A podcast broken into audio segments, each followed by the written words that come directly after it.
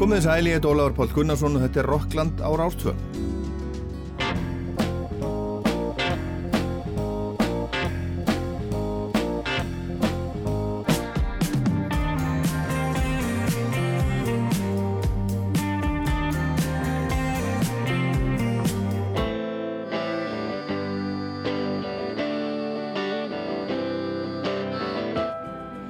Jeff Beck, gítarhetjan Jeff Beck lérst núna í januar og mesta púðri í þessu þætti í dag fer í hann, hann var, hann var 78 ára gammal hann kom hinga til Íslands fyrir áratug og við spjöllum saman í síma skömmu aður hann kom og við heyrum aðeins á því hérna á eftir eða aðeins, við heyrum, heyrum slatta kynnum staðins hans lífi og ferli og personu og Svo ætlum ég að bjóða upp á ímislegt annað.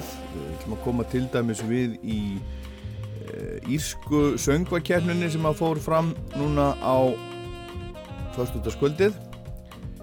Þar var Johnny Rotten að syngja með Public Image Limited. Ég ætla að segja ykkur aðeins hvernig það fór. En mér langar að byrja á að minnast Íslands tónlistamann sem að fjall frá núna fyrir skemstu. Hann hétt Magnús Finnur Jóhansson. Finnur Jóhansson kallaður Finni.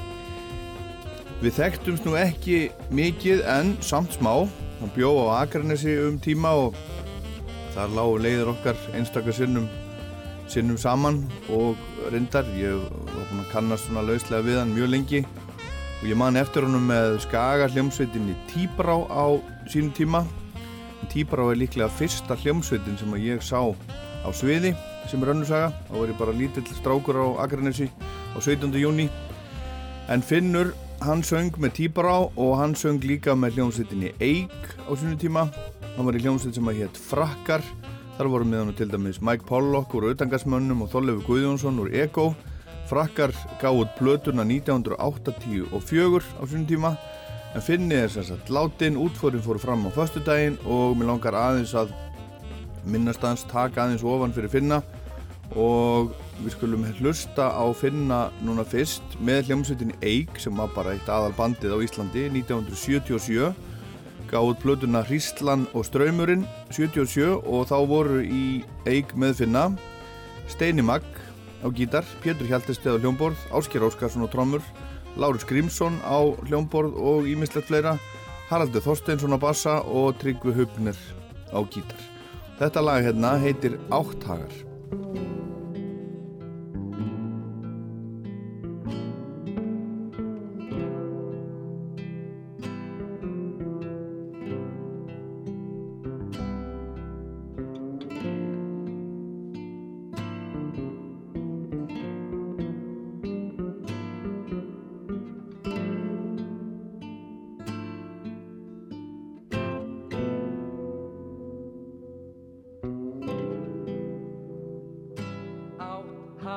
verdad.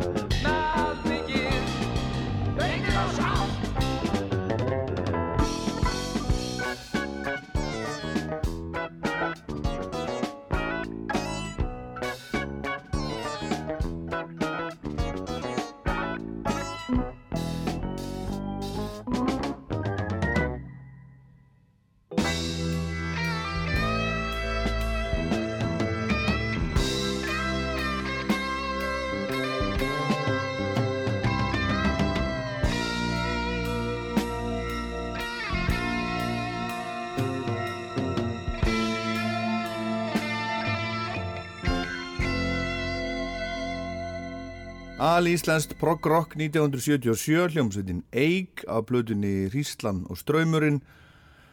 En sama áru á þetta kom út, þessi plata með Eikinni, Ríslan og Ströymurinn, kom út fyrsta sólónplata Björga Gísla, Björgvins Gíslasonar, Öræfa rock og þar syngur Finni uppháfslægið og þarna eru Finnur sem syngur, Björgi Gísla og gítara, orgel og piano og allt mögulegt Siggi Átna á bassa, Ásker Óskars á trommur og Áskell Másson slagverk. Þetta heitir Day.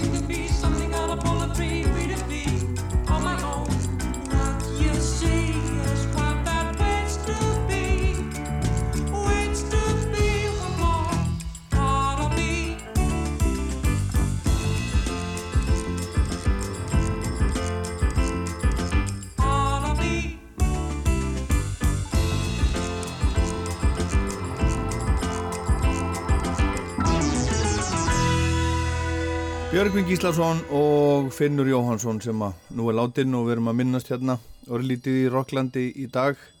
Þetta er 1977 upp á slagplötunar Öræfa Rock. En það sem að kveikti í mér að minnast finna dag voru minningaról sem ég sá á Facebook síðu hjá Valgeri Skagfjörð sem að var með honum í Tíbrá meðal annars á sínu tíma og ég fekk leifi hjá Valgeri til þess að, að bara lesa þetta, við ætlum að gera það og hann sagði að það hefði alltaf verið mikill tenging á, á millið þeirra. Og hann segir í dag, hann skrifar þetta á förstu daginn í dag verður Magnús Finnur Jóhansson vinnuminn kvattur hinsta sinni. Við kynntumst fyrst þegar við vorum rétt skriðinir e, yfir tvítökt hans var beðið með óþreyju því hann kom til greina sem söngvar í hljómsveitinni sem við nokkri félagar vorum að stopna hann var í hljómsveitinni Stoppþell og fóru sögur af undraverðum sönghæfileikum hans Ég hafði aldrei heyrt í honum en hafði heyrt í fleikt að hann gengi undir nafninu Stormbringer. Það var spennu þrungið andrusloft í bílskurnum við Kárstunarsbröð 63 þegar hann á samt Tryggva Hupner gítarleikara úr stoppþeli komu inn um dittnar. Við vorum að æfa frumsami lag eftir mig sem hétt I'm a Man. Hann kom með sín eigin hljóðnema sem hann stakk í samband. Hann lærði lægið á ljósraða og röttin hans fór læginu vel. Æfingin gekk svo vel að það var ákveð að hljómsettin skildi formlega verða skipu þessum fimm einstaklingum sem þarna voru samankomnir. Hann var sannarlega Stormbringer. Við finni, eins og hann var alltaf kallaður, náðum vel saman og hann var eins og fættur til að syngja laugin mín og öll hinn sem okkur langaði til að hafa á efniskráni. Tveimur mánuðum síðar voru við tilbúinir að koma fram ofinbillega og það átti sér stað sprenging. Hljómsveitin Kabarett leitt dagsins ljós og var kosin bjartast af vonin það ár og finni kosin efnilegasti söngvarinn í bransan. Hún skauti upp á stjórnuhiminin með stórum kvelli. Það er margs að minnast frá þessum árum en mestum verðt er svo vináta og þau sérstökur tengsl sem við finni áttum. Þau vináttu bönd heldust lengi og hann kom til okkar í hljómsveitina Tíbrá frá Akranesi mörgum árum síðar og þar áttu við gott tímabil líka. Við tókum upp plötu með lögum eftir mig og náðum vel saman eins og forðum en síðan skildu leiðir og finni vinnuminn átti eftir að kneifa ört sitt ljúfa líf á meðan ég saði skilu við bakkus og það slaknaði á viðnáttuböndum okkar. Lífi reyndist finna mínum erfitt, þrátt fyrir allar þær góðu gjafir sem hann hafi hlotið í öndverðu. Hann háði harða baráttu við alkoholisma og mikið sem hann reyndi að komast inn á rétta braut. Hugur minn dvelur við góðu minningarnar og sá músikalski drengur sem finni var á sinni tíð ennu laður á stað í sína hinstu ferð í þessari jarðvist og megi allar góðar vættir fylgja honum hvert svo sem hún liggur. Eftir setja alls konar stef og laglínur og hljómur söngarandarans verður ávalt í minni mér. Ég sendi ættingum hans og ákomendum mínar innilegustu samúðakveður. Bless finni minn og takk fyrir allar góðu stundinar.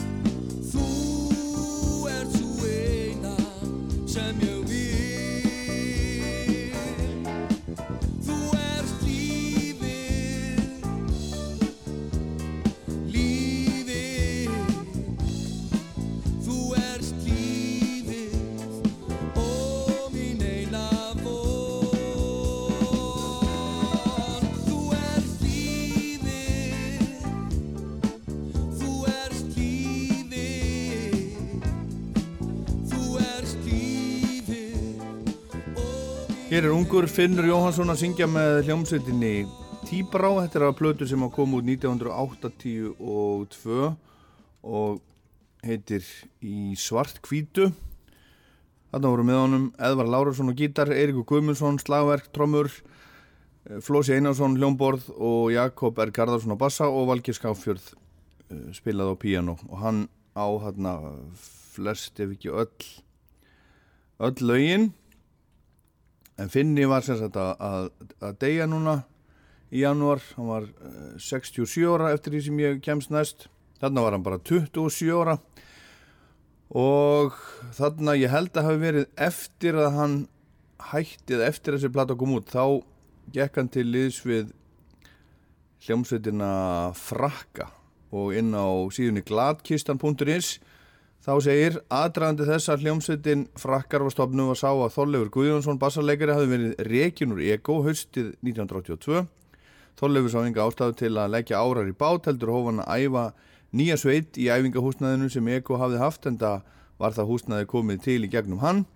Meðanum í sveitinni voru Gunnar Ágússon trommuleikari og Finnur Jóhansson gítaleikari sem að þá hafði vakið nokkur aðtegli sem söngvari tíbrár frá Akranesi Mike Pollock kom svo síðastur inn sem söngværi sveitarinnar sem þá hafði fengið nafnið Frakkar sem mun eiga sér skýrskotun í frakkastígin en þar hafði vinahópur sem að þeir voru hluti af haft einhvers konar atkvarf og gengið undir frakka heitinu, frakkarnir.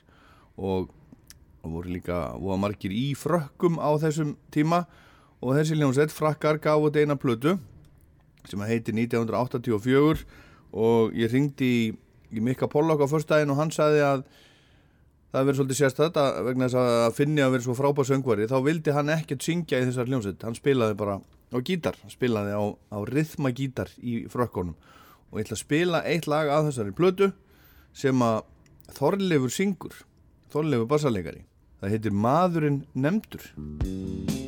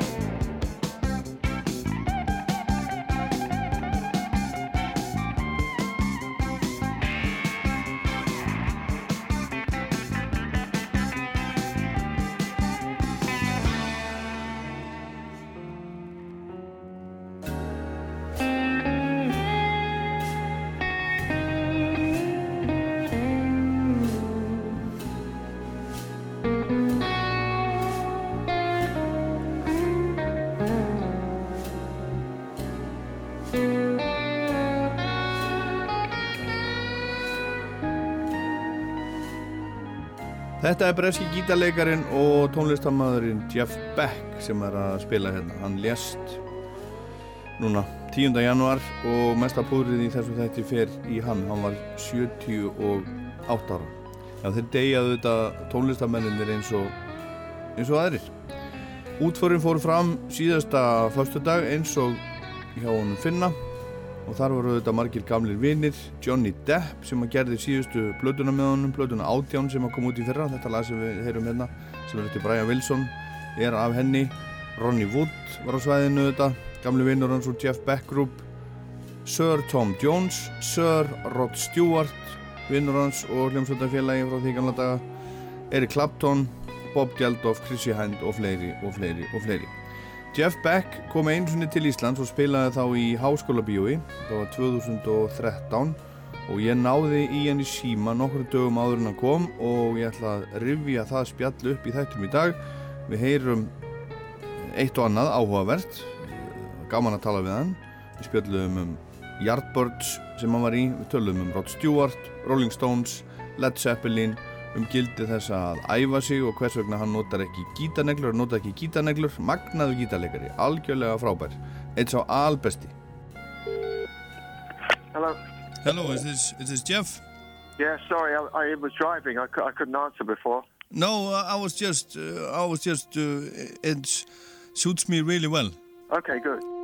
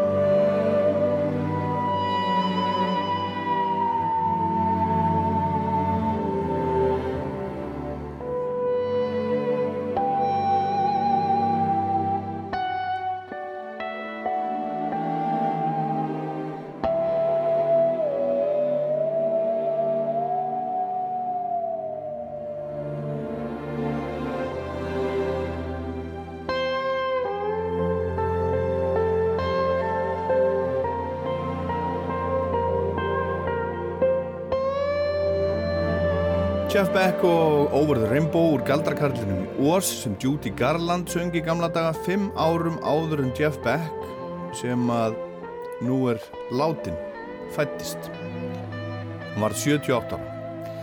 Jeff Beck var séni einna albesti gítarleikar í sögunar það er bara svo leiðis, hann var til dæmis í fymta sæti á lista sem bandaríska bladi Rolling Stone setti saman fyrir nokkrum árum og þar var talað um hann sem einn áhrifamesta gítarleikara rocksögunar Hann eldi sér í sjö grammistittur á ferlinum og hann var tvöfaldur meðlimur í fræðarhöll Roxins, annars vegar sem hluti á hljómsveitinni Yardbirds síðan 1992 og svo var hann viðurinn eh, undir eigin nafni 2009. Auk þess að gefa út fjöldan allan af sólarplötum í gegnum tíðina spilaði hann inn á plötur með listamönnum eins og Mick Jagger, Tina Turner, Morrissey, Jon Bon Jovi, Malcolm McLaren, Kate Bush, Roger Waters, Donovan, Stevie Wonder, Les Paul, Zucchero, Cyndi Lauper, Brian May og CC Tops og eitthvað sér nefnt. Hann fættist í þorpinu Wallington, skamt frá London 1944 og var snemma heldtekinn af gítarnum og gítarleik. Hann söng með drengjakór í kirkjunni sinni og á unglingsaldri lærði hann að spila gítar sem hann fekk hann láni Hann gerði reyndar nokkra tilunni til þess að smíða gítar þegar hann var strákur eins og ég held að hafi bara verið algengt á þeim tíma. Það var ekki þetta að fara út í búð og kaupa gítar en það gekk ekki upp hjá honum að smíða gítar. I, um, I was fascinated. My mother made me try to play the piano at eight, seven or eight and um, I didn't like the keys and I just used to like the sound of the strings so I plucked the strings of the piano.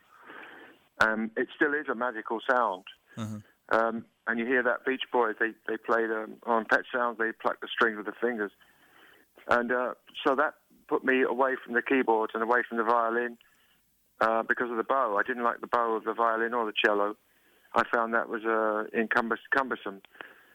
So um, I just started making hollow boxes with elastic bands around them.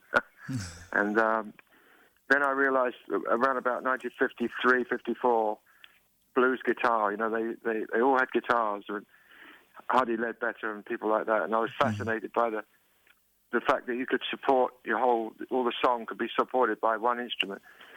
You know, the, the rhythm guitar and, and lead, all, all possible on the same instrument. And that was it really, it was a no-brainer after that. Mammans Jeff leta hann læra á píano þegar hann var 7-8 ára gammal en hann var ekki hrifin á píanónu þar að segja hljómborðinu en hann var skaman að djöblast í strengjónum inn í píanónu og svo heyrði hann í gömlu blúsörunum, einum og öðrum, Led Belly og þeim öllum og þar með var þetta bara komið. En í millitíðinni var Jeff búin að reyna að smíða einhvers konar gítar og það gekk ekki upp En það var sjálfur frumkvöðlinn Les Paul sem fyrstum manna heitlaði hinn unga Jeff. Hann var 6 ára gammal þegar hann heyrði Les Paul spila lægið sem heitla að spila þetta næst. How High the Moon í útarpinu. Hann spurði mammu sína hvað þetta eiginlega væri og hún sagði að þetta væri ramaskítar. Og þar með var það komið. Hann varð að komast yfir svona greið.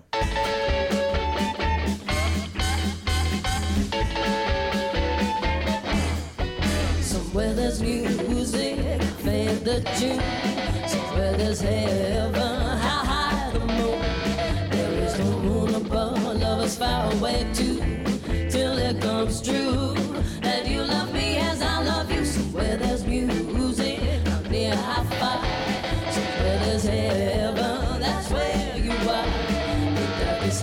darkest shine if you would come to me soon. Until you will have still my high,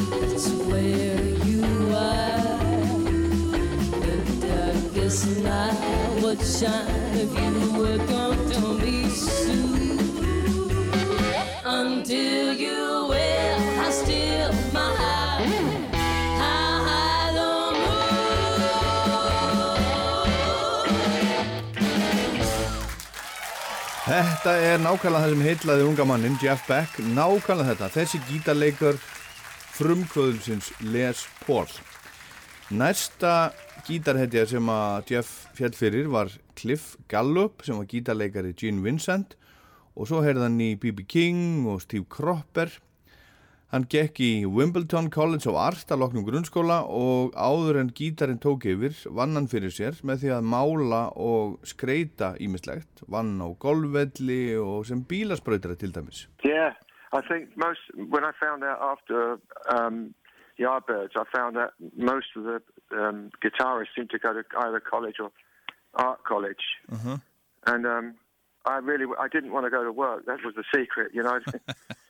I um, I couldn't think of anything worse than going to a boring job and to stretch schooling out for another two years in, in a kind of more grown-up school was a much more attractive thing, and it really was great uh, to see great talent and, and something away from the mundane office job. Not for me. I mean, I'm sure people enjoy them yeah. before, but yes.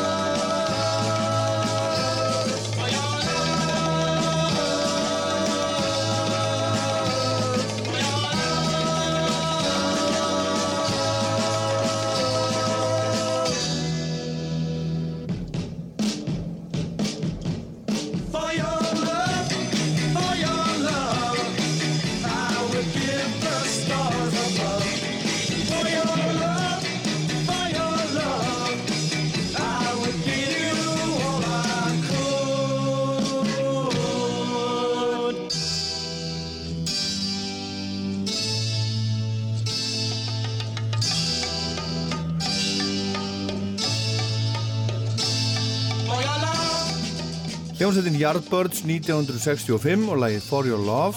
Þarna í þessu mikla smelli eftir Graham Goldman leiðtoga 10cc sem að ég spjallaði mitt við í þessum þætti fyrir nokkrum árum spilar Eric Clapton. En svo var hann farinn, hættur og Jeff Beck tók við á hann Clapton vildi ekki vera í popljómsveit hann vildi spila blues, vera trúr rótum. Og þetta var í rauninni svona blues band í upphafi en svo fóru þeir svona aðeins að leita að frekari vinsældum en Jeff var hérna að tala um áðan að e, það hefur verið tveir kostir í bóði að lokinni skólagöngu. Annars vegar að finna sér einhverja vinnu og hins vegar að halda áfram í skóla öðruvísi skóla og skemmtilegri listaskóla. Þá ákvað Jeff að, að prófa það. Og þá var svo systran sem að kynnti hann og Jimmy Page þegar þeir voru báðir unglingar Fyrsta alvöru bandi sem Jeff Beck spilaði með hétt The Rumbles, hljómsveit sem að gerði út frá Croydon og spilaði aðalega lög eftir hetjur þess tíma, Buddy Holly og Gene Vincent. Það var 1963, en tveimur árum síðar var hann svo fenginn til liðs við hljómsveitina Yardbirds eftir að Eric Clapton hætti. How did it happen that, that you, you became a member of, of the Yardbirds?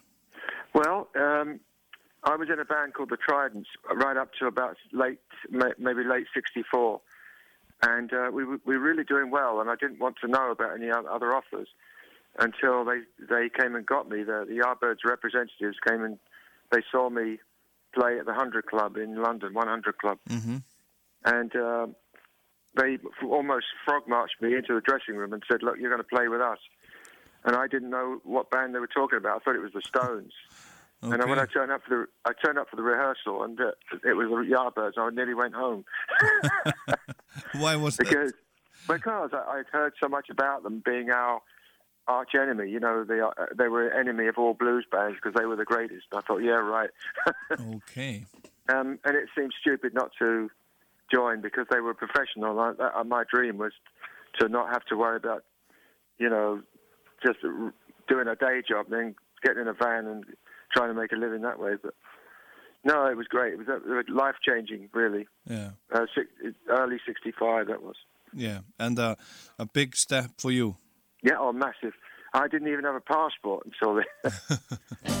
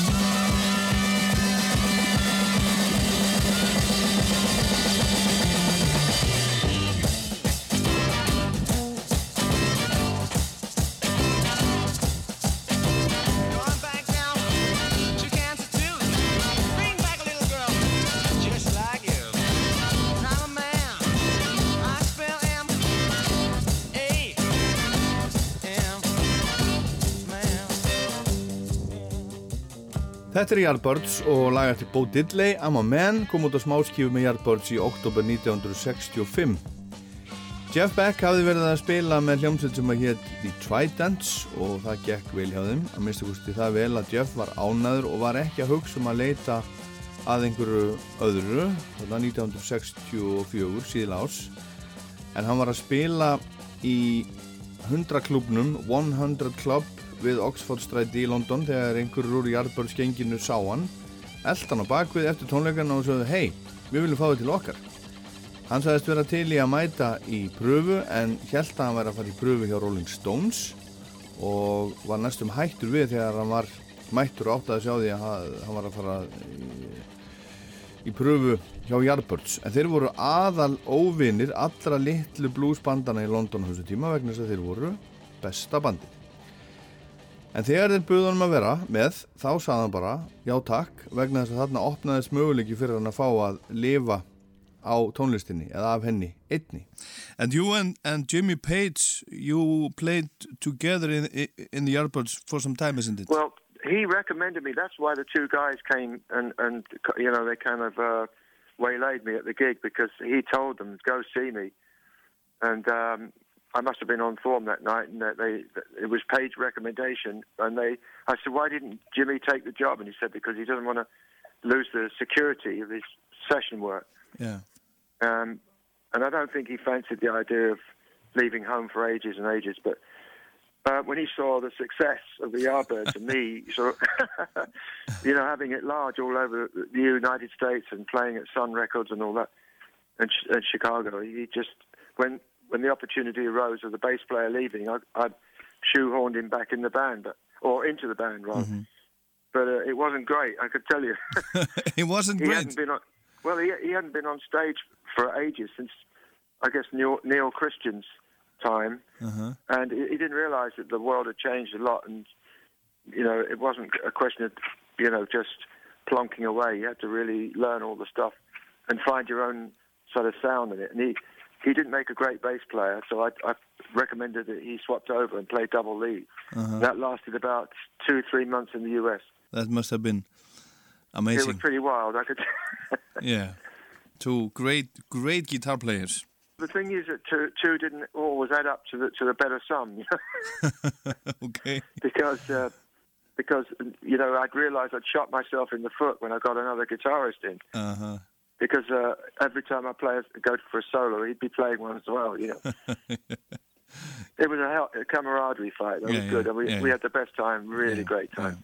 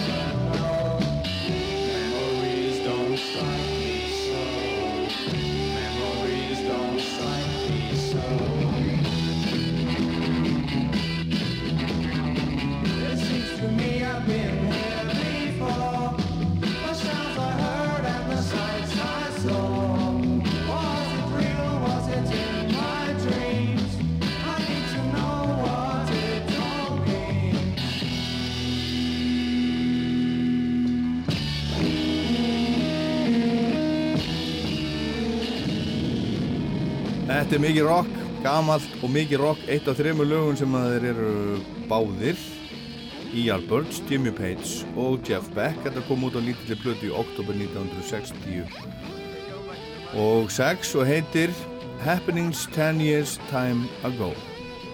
Og þannig eru Keith Ralph sem söng, Jeff Beck á gítar, Jimmy Page á gítar, Chris Dreja á gítar líka, Jim McCarthy á trommur og John Paul Jones spilar þarna á bassa sem að var svo þetta bassarleikari Led Zeppelin. En það var Jimmy Page sem meldi með Jeff Beck í Yardbirds á sínum tíma eftir að Eric Clapton sagði í starfi sínu lausu. Hann vildi ekki jobbu sjálfur, hafði nóg að gera með spilin og plötur með hinnum og þessum sessjónmaður og var ekki hrifin af þeirri hugmynd að fara að þvæla, stinga og þanga og spila á tónleikum en svo sá hann eftir öllu saman þegar hann sá hvað Yardbirds gekk vel. Hljómsveitin ferðaðist um allan heim og spilaði, hafði vel upp úr því peningarlega og svo var allt hitt sem að fyldi.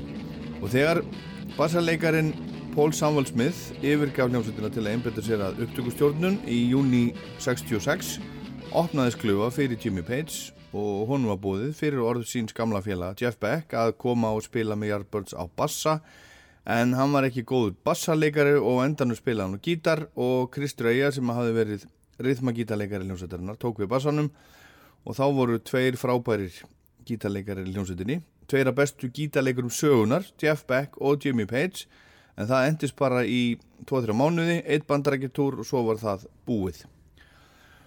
Og Jeff Beck hann æfði sig öllum stundum þegar hann var strókur uh, every spare minute, really. I, I, I wondered whether it was worth it at one point. You know, were we talking about early days, or it wasn't a question of, of um, I, I couldn't even tell you. I just imagined that every spare moment I'd be up in my room, you know, pr- practicing, because I didn't want to be in a gang, you know. And as a matter of fact, because I wasn't, I didn't want to join the gang. They they beat me up because I wouldn't join. That, that you know, they knew I was playing the guitar Wow, hardcore. and they well i got bad badly kicked uh, because they were jealous or the fact that i thought they weren't good enough to join the gang but they they went around smashing up lamps and kicking cars and stuff like that and i didn't want to be involved in any of that Yeah, nice, nice children.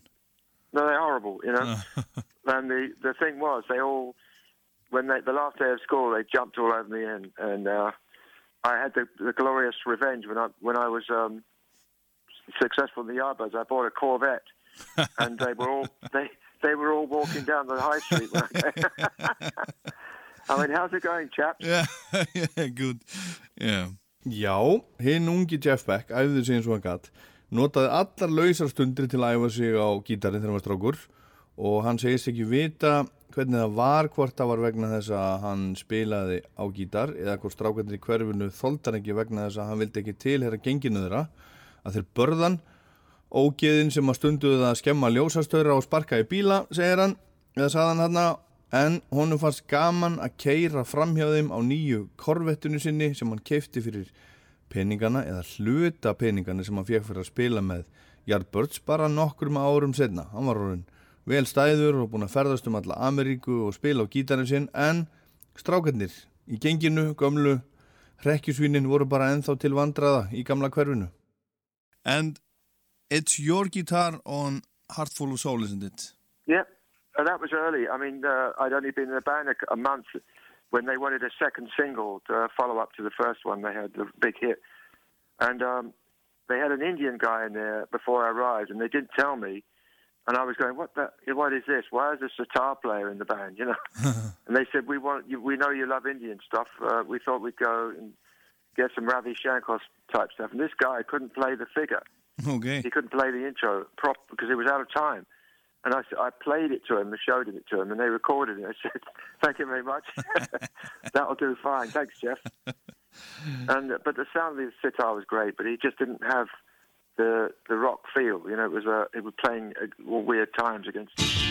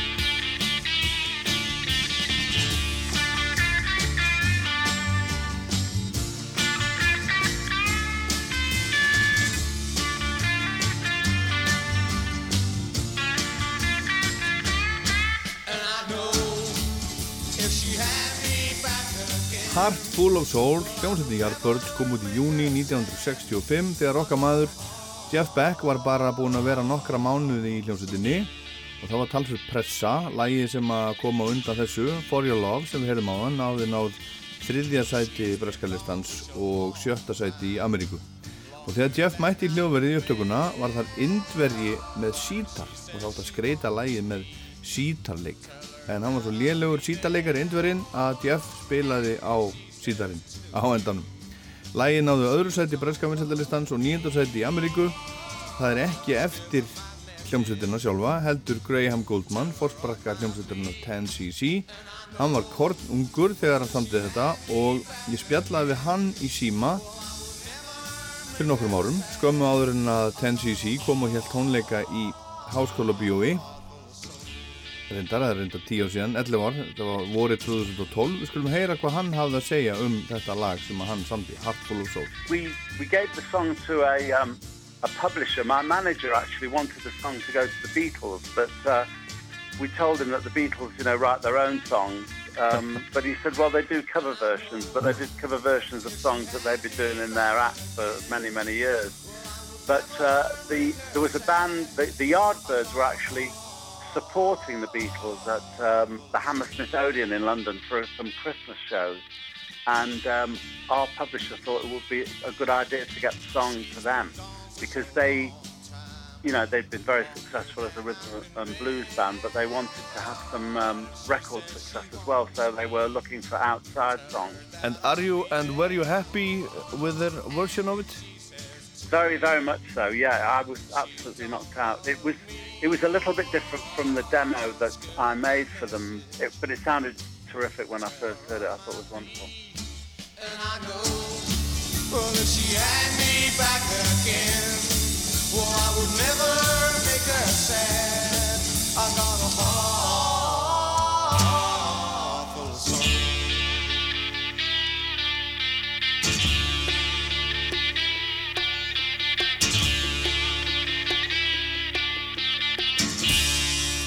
And then they fired you. They fired me. Well, they had to really because I I, I had to have um, every, every so many weeks I had this terrible thro- uh, throat problem, um, really bad, where I had to sort of go to hospital and get an anaesthetic for the throat.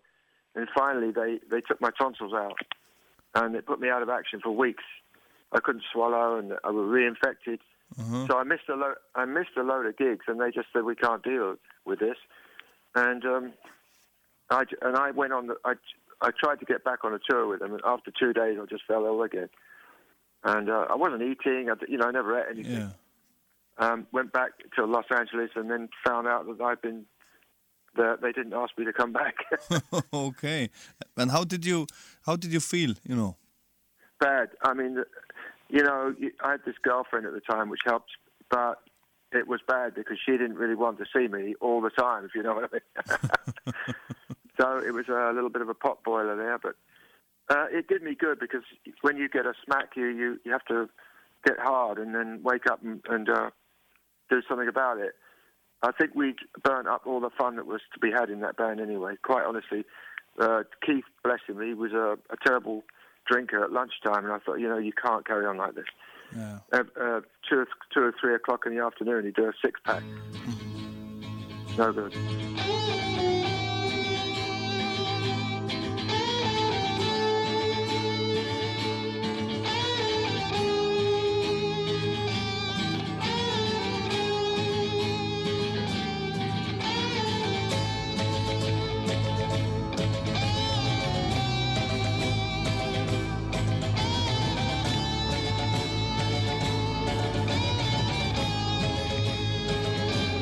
Hér er Jeff Beck að spila, við höldum áfram með Rockland og Jeff Beck hérna rétt á eittir.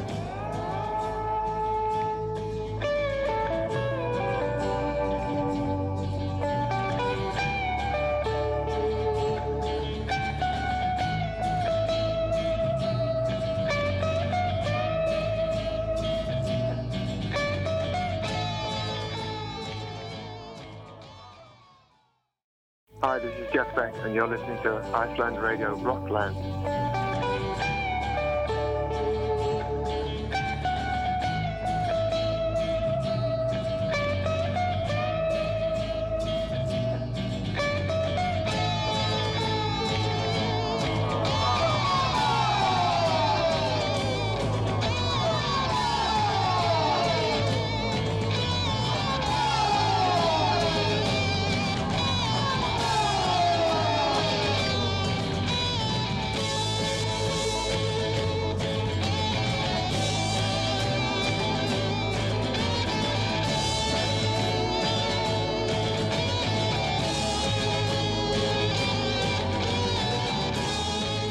Já, já, þetta er Rockland á Rástfjö, ég heit Ólafur Páll og maður þáttarins í dag er Jeff Beck sem að lést núna fyrir skemstu erum að rifja upp, upp samtal okkar frá því að kom hinga til Íslands fyrir tíu árum síðan við saman í síma.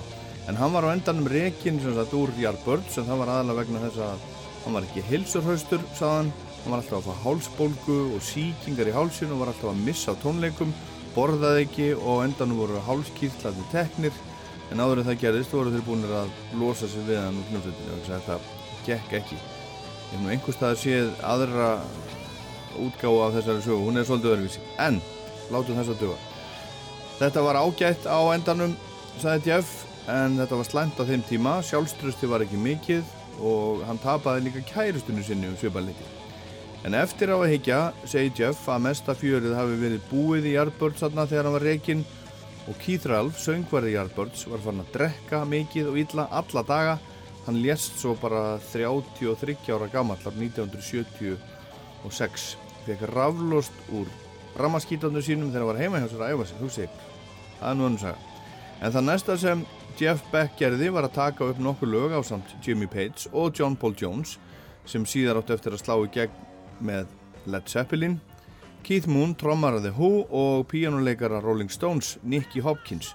Eitt af þessum lögum er Beck's Bolero sem við heyrum hérna undir, sem er reyndar eftir Jimmy Page sem að spilar á tólstrenga gítar í þessu.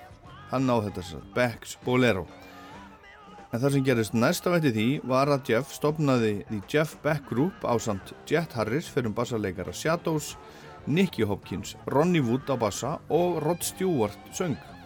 Yep, um, I took some time off um, around about the uh, Yardbirds. After the Yardbirds, I, I began to feel I'm back, I'm nobody. I just, and I wasn't. You know, in those days, if you weren't in a band or a really successful band, you weren't doing anything. Like an actor, you know, if you don't have a movie or a play, you're, you're not doing anything.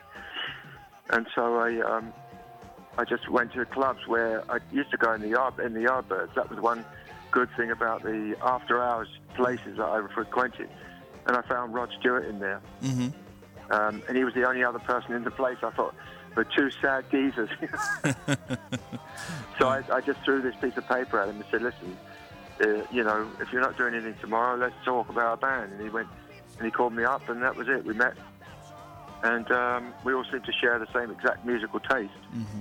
Uh, he knew a drummer, and I. We just went out. We we went. We both went down to found Roddy Wood, so, and that was how that started. And uh, we were away. We, we had a, we did all the club circuit, and that's where he he was really made his big mark really in the club circuit with me. Okkar manni leið ekki vel eftir Yardbirds, hann átti bara svolítið erfitt, fannst hann lítils virði, en þannig var það þá segir hann, ef menn voru ekki í vinsalur hljómsveitum þá voru þeir ekki merkilegi papirar.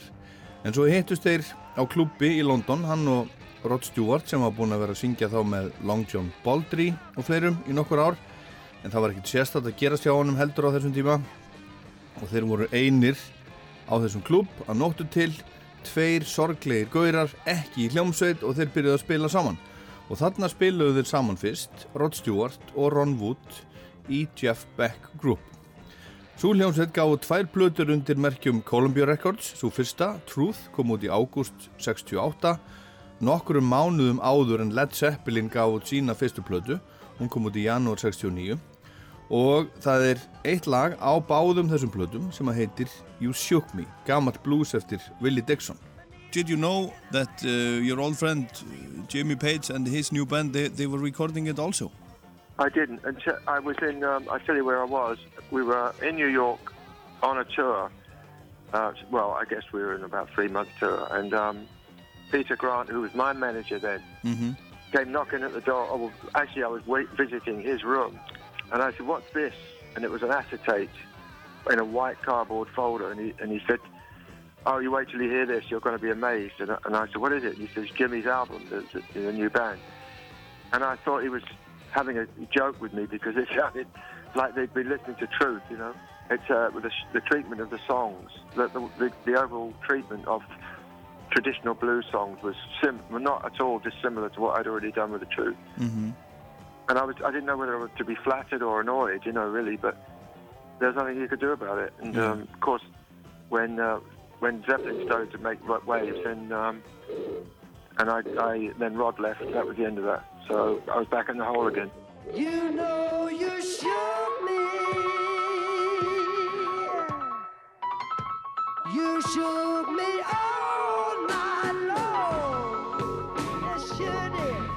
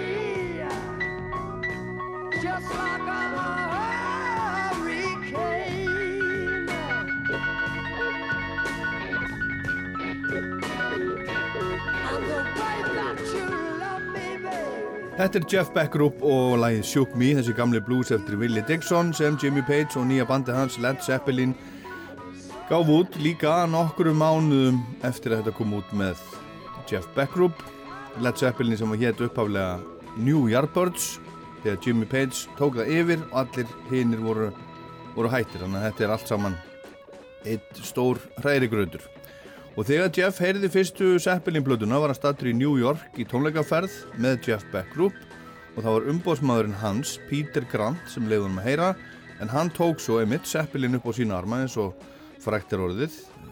Varð umbóðsmaður þeirra, Peter Grant sem nú er látin, var eins konar Elvis umbóðsmanna heimsins eða, eða Pavarotti. Bara svona risi í umbóðsmanna heiminum Og það sem Jeff heyrði var hans gamli vinnur og sviðisbróðir og hann var búinn að taka megnið af því sem að Jeff hafi verið að gera með Yardbirds og uppfæra það aðeins með nýjum en frábærin hljófarleikurum og kallaði það Led Zeppelin. Hann vissi ekki hvort hann ætti að vera upp með sér eða miður sín. So you would say that uh, if you had not been doing this, these uh, old blues songs with Yardbirds, uh, Led Zeppelin, they would have done other things.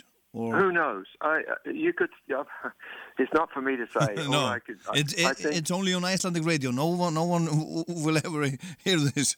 Uh, well, I, I do think so personally. My gut, I think that, that, that a Jimmy picked up the vibe of being on the road and the thrill of it when when I got him in the Yardbirds uh, in late '67, uh, '60, yeah, late '67, mid '67. Um, and I don't think once you've been bitten by the stage that you you give up easily. And he he found uh, Robert Plant and John Bonham, and that was really the driving force, you know. And then when he, I guess they were looking for material. He must have been listening to me, and um, and Plant was amazing song lyricist, and there you have it. And it's, there's nothing wrong in that, No. but people don't know or don't care that that maybe I was there first. Jeff sagði þarna að fólk uh, viti oft ekki eða kæri sig ekki um að vita að hann var fyrstur. Hans aðalsmerki á sínu tíma voru þessir gömlu blúsar sem hann breytti og þetta tilengaði Jimmy Pager þegar þeir voru að spila saman í Yardbirds og kærði af sínu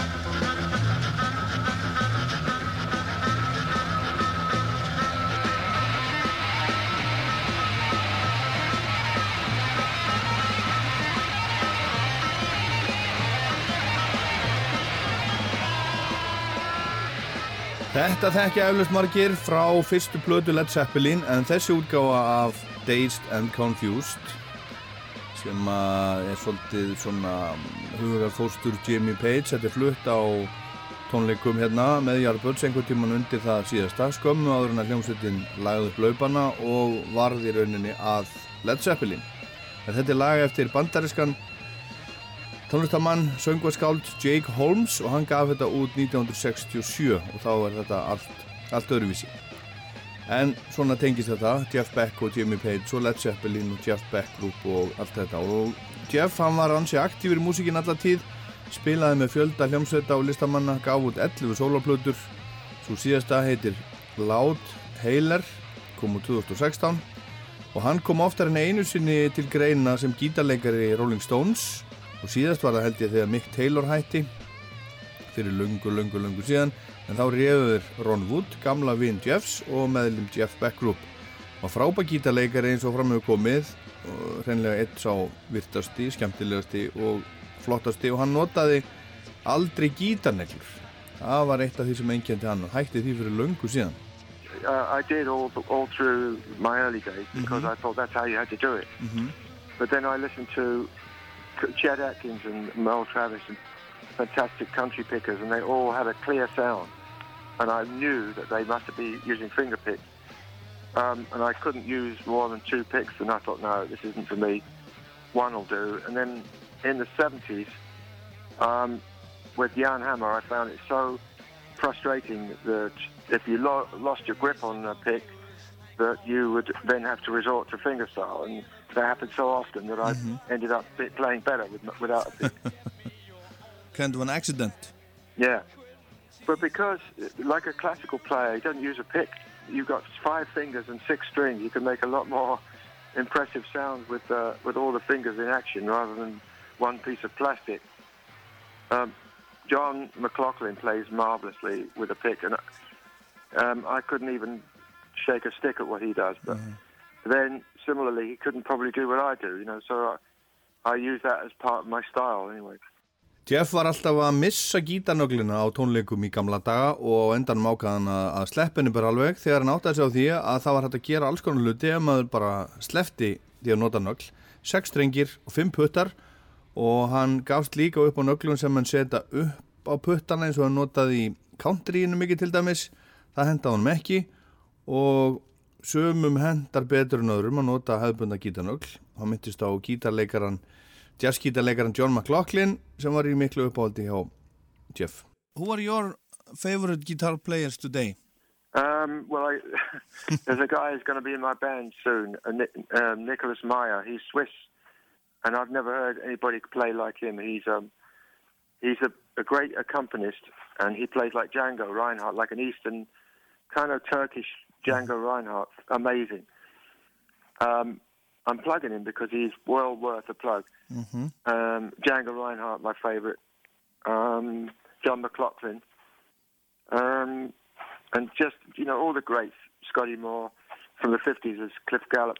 Yeah. Those are the people I, I got, you know, excited about and became obsessed with their playing. And um, then there's loads of others. There's amazing, like Johnny Burnett and the Rock and Roll Trio, Grady Martin. These are the people that cast the the whole thing. You know, they, they all had individual sounds, but mm-hmm. crucially different sounds.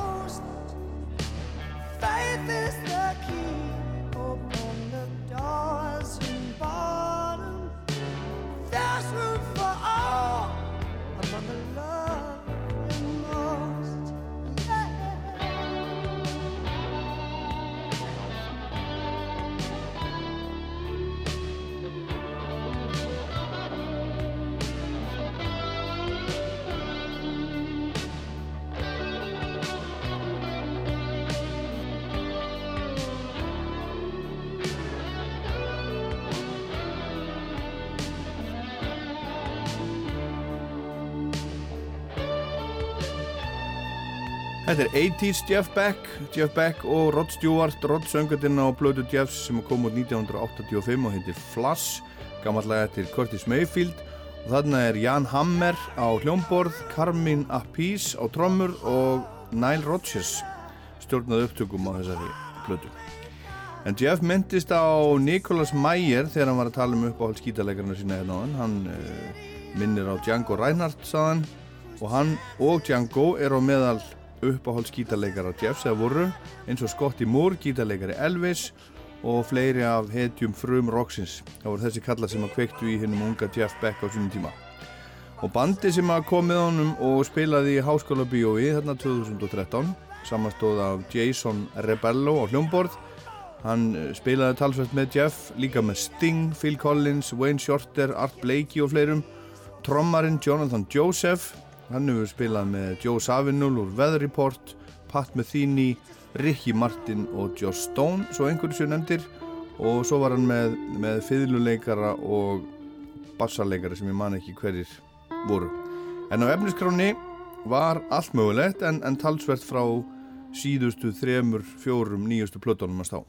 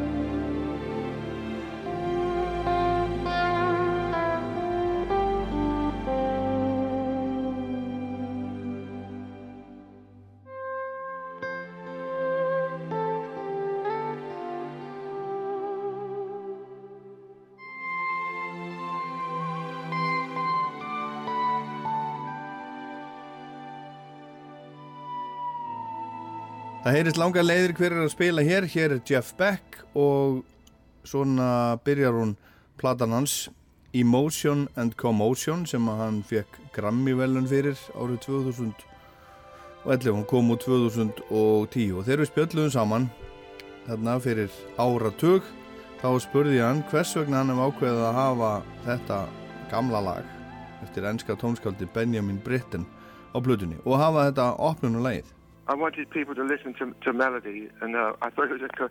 I, I didn't actually do the running order of it. The, the running order of it. I was surprised when Steve Lipson, the producer, put that first. He said, "What do you think?"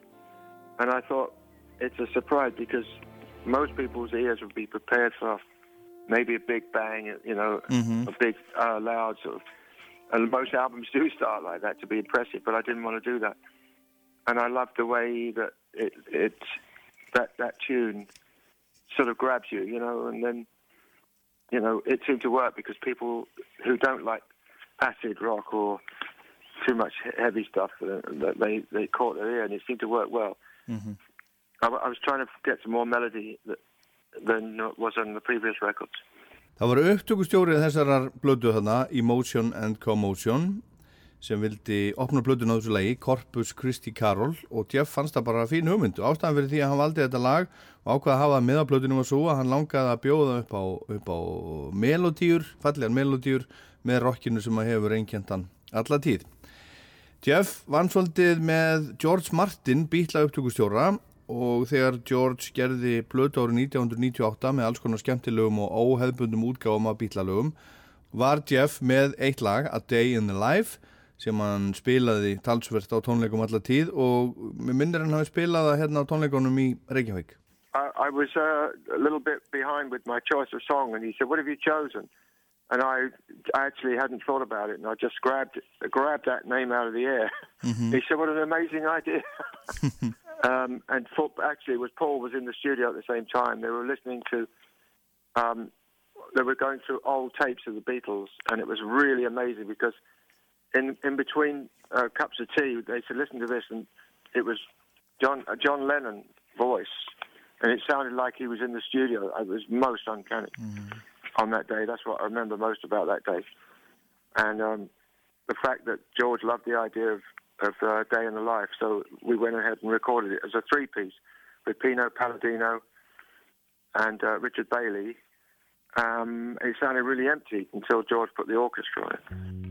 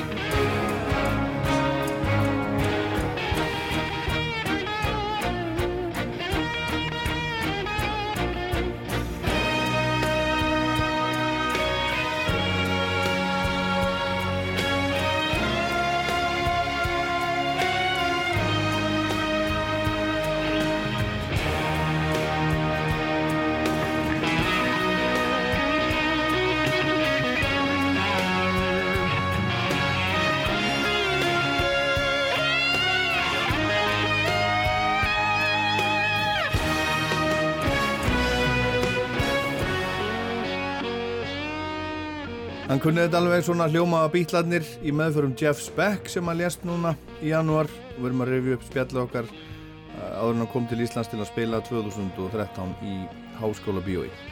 En á undan læginu var hann að segja frá því að hann var ekki búinn að ákveða hvaða lag hann ætlaði að taka fyrir plötun á Stjórn Martin þarna 1998 en þá kom þetta lag allir upp í hugan og þeir tóku þetta upp bara þrýr hann, bassarleikarin Pino Palladino sem hefur spilað mikið með The Who í mörg ár og trommarinn Richard Bailey. Og það var hálf tómlegt lægið segir Jeff þar til Sir, Sir George Martin var búinn að skreita það með strengjum saðan og daginn sem það voru að taka þetta upp var Paul McCartney í stúdíónu líka og fara yfir gummul segurbönd með upptökum bítlana og þar heyrðu þeir John tala og svona eftirminnlegt sagði Jeff. Og gaman að segja frá því, þetta er svo lítill heimur þessi tónlistæðheimur að hún Árni Margaret unga tónlistakonan frá Ísafyrði hún hitaði upp fyrir Pino Palladino og Blake Mills í Ameríku á nokkru tónleikum síðasta sumar. En einn af þessum, þessum gömlu frösum og klésjum sem að maður, maður átta sig á kannski betur þegar maður eldist pingulítið að er uh, svo satt þetta æfingin skapar mistaran Do you still practice on your on your guitar? Oh yeah, yeah, every day. Every day? Oh yeah. How much? Um, range if it's raining, and then winter, you know, probably two hours a day. Um, when it's weather like this, probably ten minutes, and then, and, well, you know, who wants to be inside? Um, but on average, I'd say a half hour a day every single day. So That's that's not it's not enough. You should do three or four hours a day.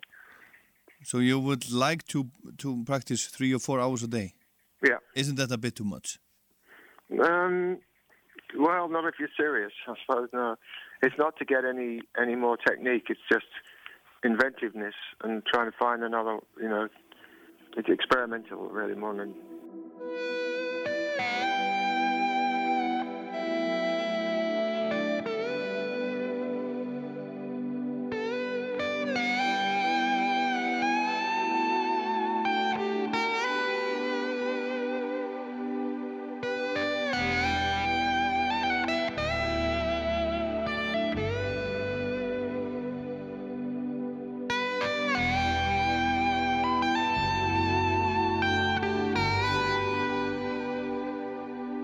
Jeff Beck sagði þegar við spjöldum hann saman að hann sagði að það væri alveg kjörið að æfa sig svona þrjá, fjóra tíma á dag á, gítar, á gítarinn að það færi eftir ástíðum og veðri hvað hann spilaði mikið, meira á veturna og minna á sumurinn en alltaf spilaði hann okkur um einasta degi og hann hefur örgulega gert það alveg fram í andlátið.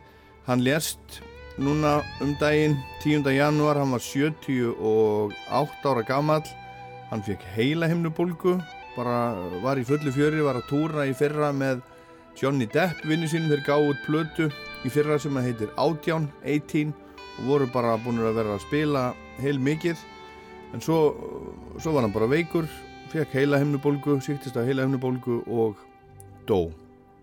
Og það var gaman að spjalla við hann.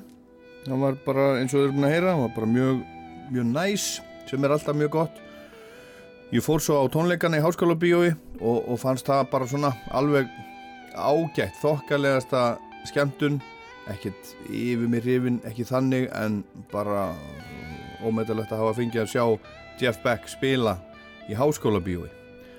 Og einu sinni hitt ég hann líka, þá voru ég með Andrew Jones og fleirum vinnum minnum á tónleikum í London í Wembley Arena á Rolling Stones og þá vildi ég þannig til að Jeff Beck og Marianne Faithfull sátu fyrir neðan okkur og spjöldluðum aðeins við þau og voru bara í sætónum fyrir framann okkur. Og Andrea Jóns var með, var með svona litla flösku af íslensku brennivíni og gaf Jeff Beck eins og maður gerir að sjálfsögðu. En þetta sem við heyrum hérna þetta er af nýju plötunni hans Jeffs, eða síðustu plötunni sem er gerðu hann og, og Johnny Depp. Og þetta er lag sem er eftir náunga sem heitir Davy Spillane.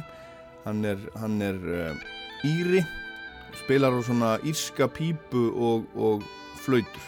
Þetta er uppháðslægið á plötunni heitir Midnight Walker. En hvað getur maður sagt annað en bara takk, takk fyrir músíkina Jeff Beck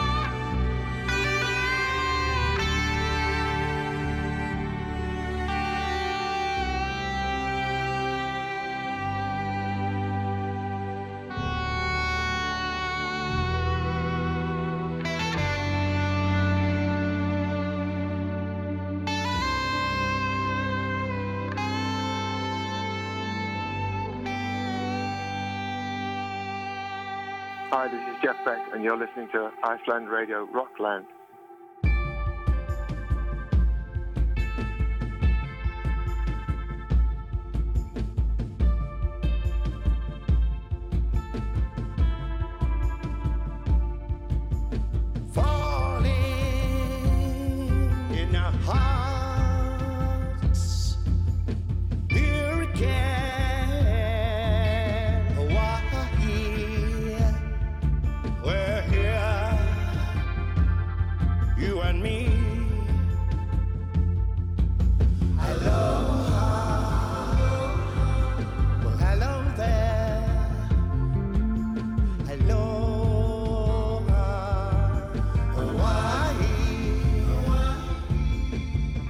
Þetta hér ættir hlustendur Rósa 2 vera fannir að þekkja svolítið. Þetta er Public Image Limited með John Lydon fremstæðin flokki, Johnny Rotten sem að var í Sex Pistols og lagið heitir Hawaii.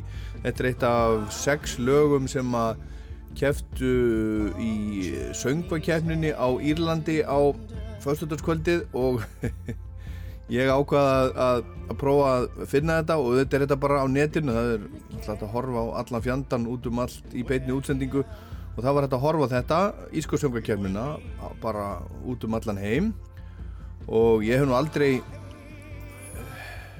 hort á söngakefnir annara landa fyrir núna. Ég hafði bara áhuga að sjá hvernig þetta myndi fara hjá hjá mínu gamla vini John og held svolítið með honum og vonaði að þetta yrði, yrði gott og hann myndi komast alla leið í Eurovision en ég sá nú fljótlega eftir að, eftir að þið byrjuðu að flytja lægið að það yrði nú líklega ekki þannig.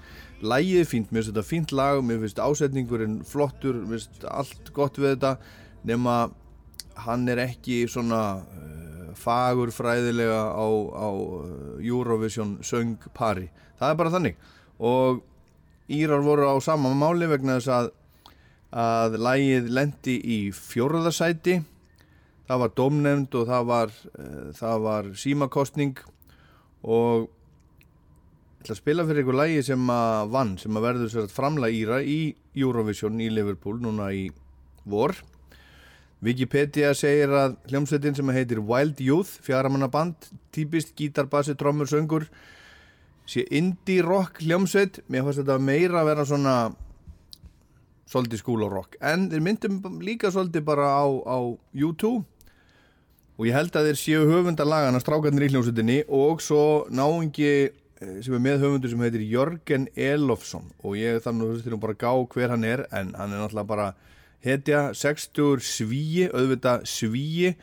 Hann hefur samið fyrir fyrir Britney Spears Westlife Aaron Carter, Robin Jerry Halliwell Paloma Faith Agnetu úr ABBA bara heila plötu held ég með henni hann er saman fyrir Celine Dion og hann er með höfundur þessa eh, Eurovision framlags íra í ár Wild Youth, We Are One We take our first breath and then we exhale. Then we give it all we got until we fail.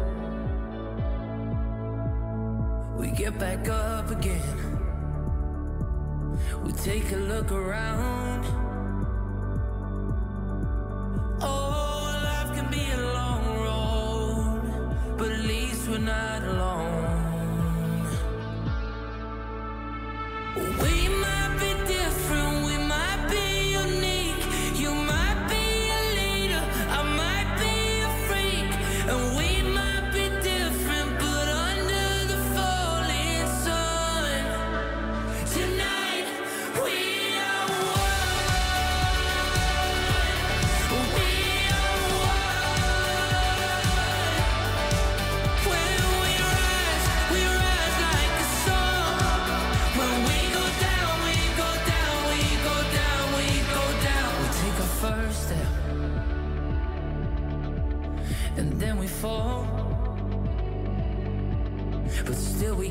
Going, climbing every wall. We keep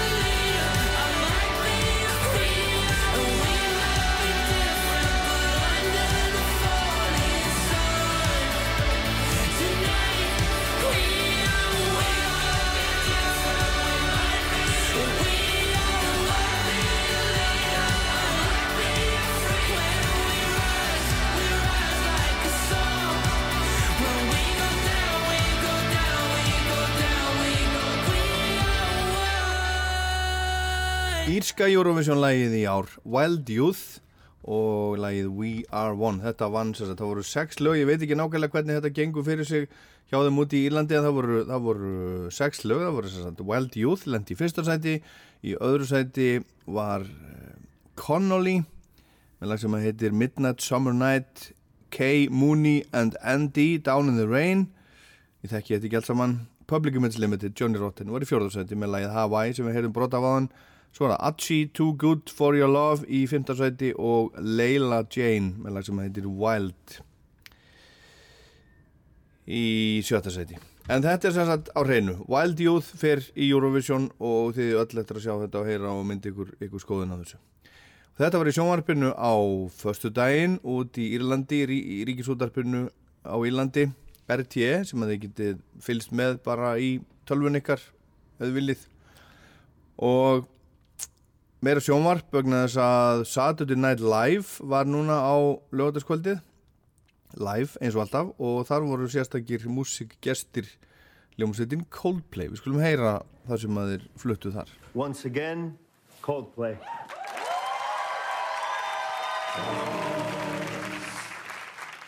Boys don't cry. Boys, keep it all inside. I tried to hide it underneath,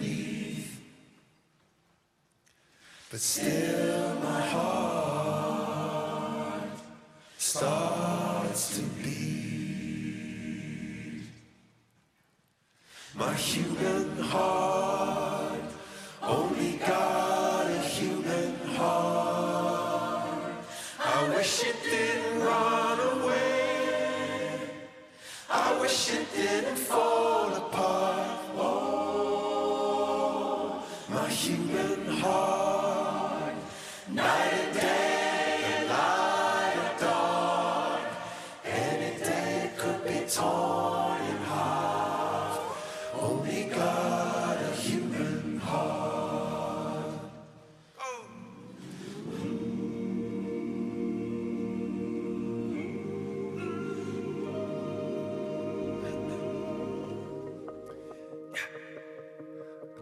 your best, but you don't succeed. When you get what you want, but not what you need. When you feel so tired, but you can't sleep. Stuck in rivers.